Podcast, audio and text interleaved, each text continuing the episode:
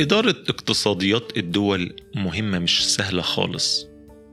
والموضوع مش مجرد بيبقى محتاج خبراء وأساتذة في الاقتصاد بل ناس عندهم بعد نظر سياسي واجتماعي كبير. صحيح آه أساتذة وخبراء الاقتصاد العالميين يقدروا يحطوا خطط ما تخرش المية لكن كتير عند تطبيقها على أرض الواقع نلاقي إنها خطط مش عملية. وما بتحطش البني آدمين في الحسبان بحق وحقيقي ممكن تكون حاطة في الحسبان بني آدمين مروا بأوقات سابقة وظروف مختلفة لدول غير بعضيها. وطبعا اعتبار إن كل الناس بيتصرفوا طبقا لتركيبة واحدة هو افتراض مش ذكي ومش حكيم.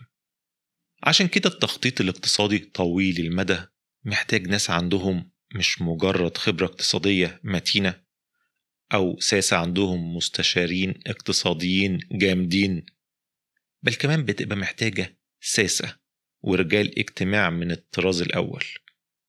والكلام ده بيبقى صعب في الدول المركزية اللي بتدير اقتصاد دولها من الألف للياء. فما بالك بقى بالدول الرأسمالية اللي بتعتنق السوق المفتوح اللي هو دعه يعمل دعه يمر. صحيح الدول المتقدمة دي بتبقى فيها قوانين والشركات الخاصة بتشتغل طبقا للقوانين دي. لكن خلي بالك في الآخر كل واحد بيدور على مصلحته أولا. وأنت مسؤوليتك كدولة إنك تخلي أصحاب الصناعة إنهم يقدروا يشتغلوا ويحركوا لك اقتصاد الدولة عشان دايما يبقى فيه تدفق من الضرائب وتوظيف للعمالة اللي هم الشعب اللي عندك فيبقى معاهم فلوس وهما كمان يشتروا بضايع من السوق. اللي بيشتغل فيه مواطنين تانيين والكل في الآخر يدفعوا الضرايب والدولة يبقى فيها موارد وتعمل مشروعات وتتحرك لقدام. لكن التحدي ده بقى بيزيد أكتر وأكتر في أوقات الاضطراب زي زمن الكورونا اللي إحنا عايشين فيه دلوقتي. الكورونا جت والعالم دخل في مرحلة كساد ضخمة من بداية الأزمة وبعد كده دخلنا في مرحلة لخبطة. بقى في صناعات فيها نقص كبير في خطوط إنتاج لمنتجات معينة مهمة زي الشرائح الإلكترونية ولوجستيات النقل سواء البحري أو البري. دي كلها عاملة تحديات ضخمة جدا للاقتصاد.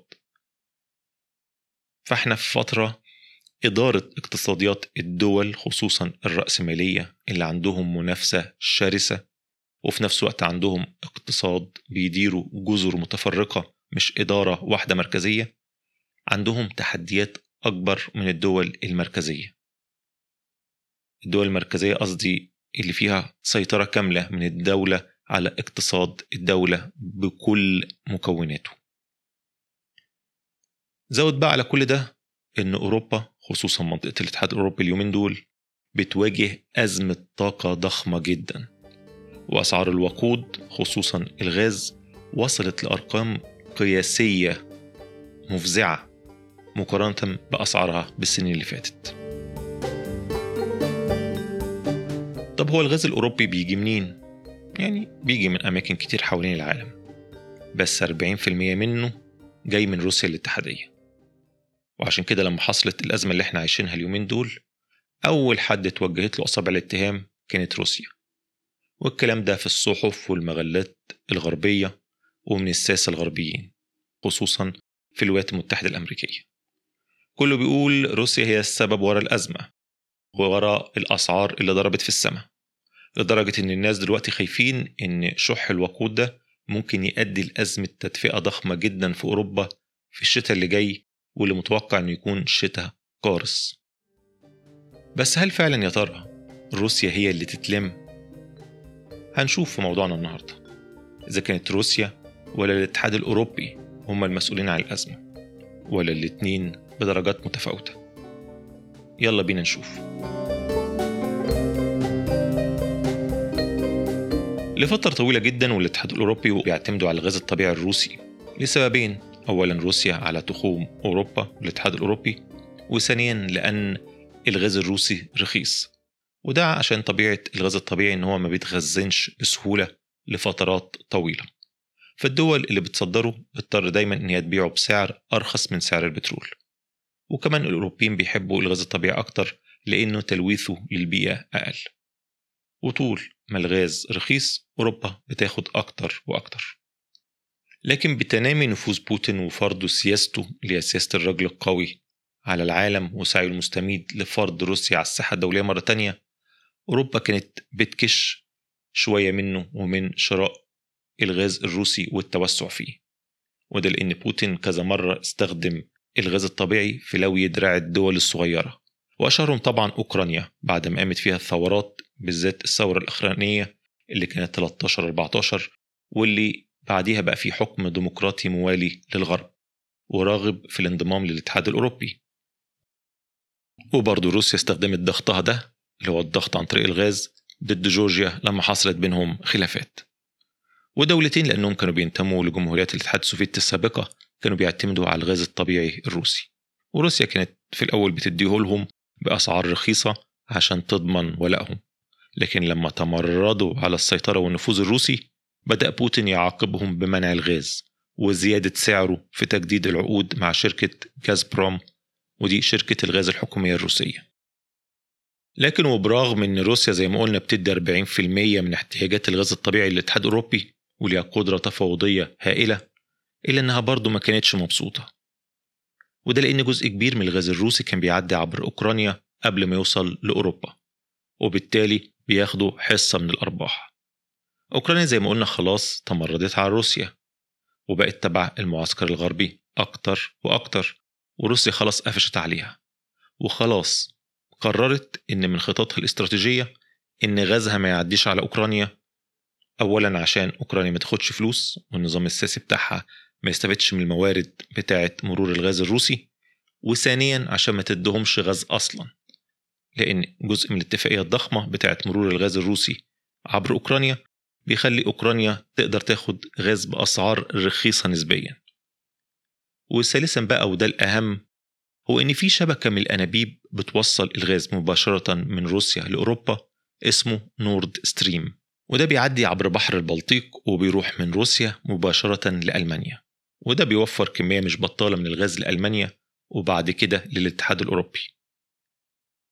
بقالنا فترة كده داخلين في كذا سنة وروسيا عاوزة تعمل نظام أنابيب جديد اسمه نورد ستريم 2 وده هيزود جدا كمية تصدير الغاز الروسي للاتحاد الأوروبي. وألمانيا تحت قيادة ميركل كانت موافقة جدا وعاوزة المشروع ده يتعمل. مين بقى اللي كان واقف؟ حجر عثرة قدام المشروع ده الولايات المتحدة الأمريكية. وده لسببين. أول سبب طبعا عشان ده هيمثل موارد ضخمة جدا لروسيا تحت بوتين. وروسيا تحت بوتين بالنسبة لأمريكا تعتبر لاعب متمرد غير مرغوب فيه. وثانيا بقى وده الأهم عشان ما يبقاش لروسيا نفوذ أكبر على الاتحاد الأوروبي. وده هيخليها في المستقبل ما تمشيش ورا الولايات المتحدة الأمريكية خصوصا في سياستها ضد روسيا. يعني روسيا دلوقتي لها بعض النفوذ. نتيجة إمدادها أوروبا ب 40% من متطلبات الغاز عندها. فما بالك بقى لو النسبة دي نطت ل 60% مثلا. والمخاوف دي بالمناسبة مش مخاوف أمريكية بس دي كمان مخاوف قادة الاتحاد الأوروبي نفسه. يعني دلوقتي في أزمة غاز والاتحاد الأوروبي مزنوق وواقع في عرض روسيا وحالته صعبة. فما بالك بقى لو احتياجاتهم طول الوقت معتمدة على روسيا. وده الحقيقة السبب اللي خلى الأوروبيين في بروكسل مترددين طول الوقت في الموافقة على نورد ستريم 2 لأن ساعتها روحهم هتبقى في إيد روسيا أكتر وأكتر ومش هيقدروا يعترضوا على سياسات روسيا الدولية وطبعا مش هيجرؤوا يفرضوا عليها عقوبات. إذا كانت الصين البعيدة بقت بتلطشهم لما بيعترضوا عليها بخصوص حقوق الإيجور. أمال هيعملوا إيه بقى في روسيا؟ اللي روحهم هتبقى في إيديهم يعني حرفيا. اللي مدي الموضوع زخم اليومين طول طبعا هو زيادة أزمة الطاقة ودي جت نتيجة ظروف عالم ما بعد الكورونا والتغير البيئي الضخم على كوكب الأرض. يعني الاتحاد الأوروبي كانوا ماضيين عقود متوسطة وقصيرة المدى مع جاز بروم اللي هي شركة الغاز الروسية. يعني عشان تديهم مقدار معين من الغاز. كل سنة هياخدوا مثلا كذا مليون أو مليار متر مكعب. لكن اللي حصل إن بداية السنة دي اللي هي 2021 كان في شتاء صعب وتم استهلاك كتير من مخزون الغاز الطبيعي. زود على كده إن الاقتصاديات الأوروبية بدأت تفوق من أزمة الكورونا نتيجة انتشار حملات التطعيم في مختلف أنحاء الاتحاد الأوروبي والمصانع رجعت تشتغل تاني فاستهلاك الغاز زاد. كمان السنة دي شدة الرياح في شمال أوروبا كانت أقل وبالتالي الطاقة اللي جاية من توربينات الهواء كانت أقل. كل الأسباب دي بقى أحطها مع بعض تلاقينا في الوضع الحالي اللي هو أزمة الطاقة الكبيرة في أوروبا. فإيه اللي حصل؟ الاتحاد الأوروبي راح لجاز بروم وقال لهم لو سمحتم عاوزين غاز زيادة. وهنا طبعا وقعوا في حجر الروس. يعني فرصة جامدة جدا لروسيا والبوتين عشان يتنططوا على الأوروبيين اللي طول الوقت عمالين ينتقدوا فيهم وينظروا عليهم ويفرضوا عليهم عقوبات. روسيا نظامها ديكتاتوري قمعي رجعي. فالروس ما صدقوا وقالوا للأوروبيين تعالوا بقى يا حبايبي. أولا أنتوا مالكمش حاجة عندي إحنا بينا عقود وإحنا خلاص التزمنا بيها مالكمش حاجة عندنا. هنشوف ظروفنا وربنا يسهل. ابقوا عدوا علينا بكرة. إيه اللي حصل طبعا؟ أسعار الغاز نطت في العالم كله. وبدل ما الغاز ما بيجي سهل عبر الأنابيب ما بين روسيا وأوروبا فلازم يعتمدوا على شحنات الغاز عبر المحيطات من منطقة الشرق الأوسط ومن حتت تانية. وده طبعا تكلفته أعلى بكتير من شحن الغاز مباشرة من روسيا لأوروبا. ناهيك طبعا إن زيادة الطلب بتخلي سعر الغاز إيه؟ يعلى في السماء. الموضوع كان باين من البداية إنه هيبقى كارثي لدرجة إن الولايات المتحدة الأمريكية لما شمت الخبر من شهر سبعة اللي فات خلاص بطلت مطالبها بعدم تنفيذ نورد ستريم 2 عشان يعني ما تبانش في أوروبا إنهم مش مقدرين معاناة الأوروبيين. وكمان عشان ما يخسروش ميركل زعيمة ألمانيا اللي كانت شايفة المشروع حيوي للاقتصاد الألماني. وبرضو المسؤولين في الاتحاد الأوروبي لما شافوا الأزمة الكبيرة كده الفار بدأ يلعب في عبهم.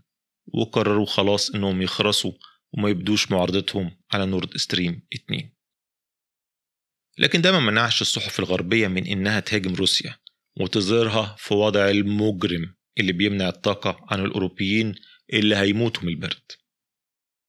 المهم بوتين طلع في التلفزيون الأسبوع ده مع وزير الطاقة الروسي وقال له خلاص إحنا الأوروبيين صعبوا علينا. مفيش مشكلة إن إحنا نزود الإنتاج شوية عشان يعني نلحقهم المساكين دول. بس طبعا ناخد حذرنا عشان ما نتضرش ولا نضر مصلحتنا في السكة. وطبعا انتهز الفرصة وراح لسع الأوروبيين بانتقاداته وتوبيخاته واداهم درس في إدارة الاقتصاد. يعني لحظة تشفي كبيرة لبوتين كان صعب إن هو يفوتها. قعد يقول إن الاتحاد الأوروبي ما بيخططوش للمستقبل كويس وما بيعرفوش يديروا دولهم كويس. وأنتوا يا جماعة اللي حطيتوا نفسكم في الأزمة من الأول مش لو كنتوا خدتوا بالكم. ما كانش حصل كده. أول ما بوتين طلع وقال الكلمتين دول آثار الغاز الطبيعي نزلت جامد رغم التهزيء يعني. بس قالوا خلاص روسيا هتفتح الحنفية. لكن خلي بالك لما الأسعار نزلت جامد بقت يا دوبك سبع أضعاف نفس السعر بتاع السنة اللي فاتت. فيعني أنتوا متخيلين الأسعار نطت يعني نط قد إيه؟ نطة خرافية. لكن المتوقع طبعا إن روسيا في العقود الجديدة هتقرص جامد على الاتحاد الأوروبي. أولا هيتأكدوا إن نورد ستريم 2 هتشتغل وكمان هيجبروا الأوروبيين إن هم يمضوا معاهم عقود طويلة المدى. ملهمش دعوة بقى والله خدوا غاز أكتر من اللي هم عاوزينه. مش مهم الأوروبيين هم اللي مجبرين يتحملوا الخسارة مش روسيا. دلوقتي بعد ما عرضنا الموضوع سريعا طبعا إيه رأيكم؟ مين الغلطان في الأول روسيا ولا الاتحاد الأوروبي؟ من وجهة نظر أنا الاتحاد الأوروبي مسؤوليته أكبر بكتير في الموضوع ده. أولا يا جماعة أنتوا عارفين إنكم كتير بتضطروا تهاجموا روسيا عشان مبادئكم وتحالفاتكم في المنطقة أشهرها طبعا مع أوكرانيا اللي عاوزة تنضم لكم وبولندا اللي أنتوا خايفين إنها تخرج من سيطرتكم وتقع في حضن روسيا من جديد. فكان لازم الأول إن الاتحاد الأوروبي يحاذر من إن هو يحط نفسه تحت درس روسيا بالشكل ده. صحيح روسيا في الموقف ده بتتصرف ككيان مستغل بس في العالم الرأسمالي اللي أوروبا جزء منه هو ده العادي وده اللي الشركات الرأسمالية الأوروبية أول ناس بينفذوه. فمش المفروض إن هم يزعلوا قوي لما روسيا تعمل معاهم نفس الكلام. صحيح طبعا الحركة مش شيك من روسيا ومن بوتين إنهم يعني يذلوا الاتحاد الأوروبي والقادة بتوعه ويوبخوهم قدام العالم عشان ده طبعا بيأثر على شعبية الحكومات الديمقراطية في أول استحقاق انتخابي قادم. بس برضو ده المتوقع من بوتين ومن روسيا. غلط الاتحاد الأوروبي مضاعف. أولا عشان حطوا نفسهم في الزنقة الاقتصادية اللي هم فيها. كان المفروض الحسابات تبقى أدق ويبقى عندهم خطط طوارئ بدل الواحد عشرة. وثانيا لأنهم بيتعاملوا مع روسيا. لكن برضو نرجع ونقول ما ينفعش نقسى قوي علاقات الاتحاد الأوروبي في ظل عالم ما بعد الكورونا. مثلا الصين عمالة بتسحب طاقة من العالم بطريقة خرافية فده طبعا خلى المنافسة شرسة والسوق سعره عالي اليومين دول وبالتالي ده إدى قدرة تفاوضية أكبر لروسيا. لكن في نهاية المطاف الأزمة دي وجهت ضربة جديدة للتحالف الغربي بالولايات المتحدة الأمريكية والاتحاد الأوروبي. واللي هو أصلا لسه قريب مهزوز هزة قوية بعد موضوع الغواصات والتحالف الثلاثي ما بين الولايات المتحدة الأمريكية وبريطانيا وأستراليا. فالاتحاد الأوروبي لازم يفوق أكتر. خلاص بقوا عارفين إنهم ما يقدروش يعتمدوا على الولايات المتحدة الأمريكية لأنها في العالم الجديد وفي صراعها مع الصين بقت بتدور على مصلحتها الأول. سواء بقى عن طريق ترامب اللي كان بيصرح بكده علانية أو عن طريق بايدن اللي بيكلمهم بلطف وود لكنه بيبيعهم من غير أي تأنيب ضمير. لازم الاتحاد الأوروبي يرسم مستقبل علاقته مع الصين وروسيا لوحده وما يعتمدش على الولايات المتحدة الأمريكية. آه يفضلوا حلفاء لكن ما يعتمدش عليهم تماما زي ما كان أيام الحرب الباردة. لأن الولايات المتحدة في الفترة الحالية ما بقاش ينفع يعتمد عليها. بس ده كل اللي عندي النهارده. أحب أسمع آرائكم ومقترحاتكم ولو في أي تصحيح ليكم على أي معلومة في الحلقة. وأكون سعيد لو عملتم مشاركة لحلقة النهاردة. شكرا وأشوفكم على خير الحلقة الجاية. مع السلامة.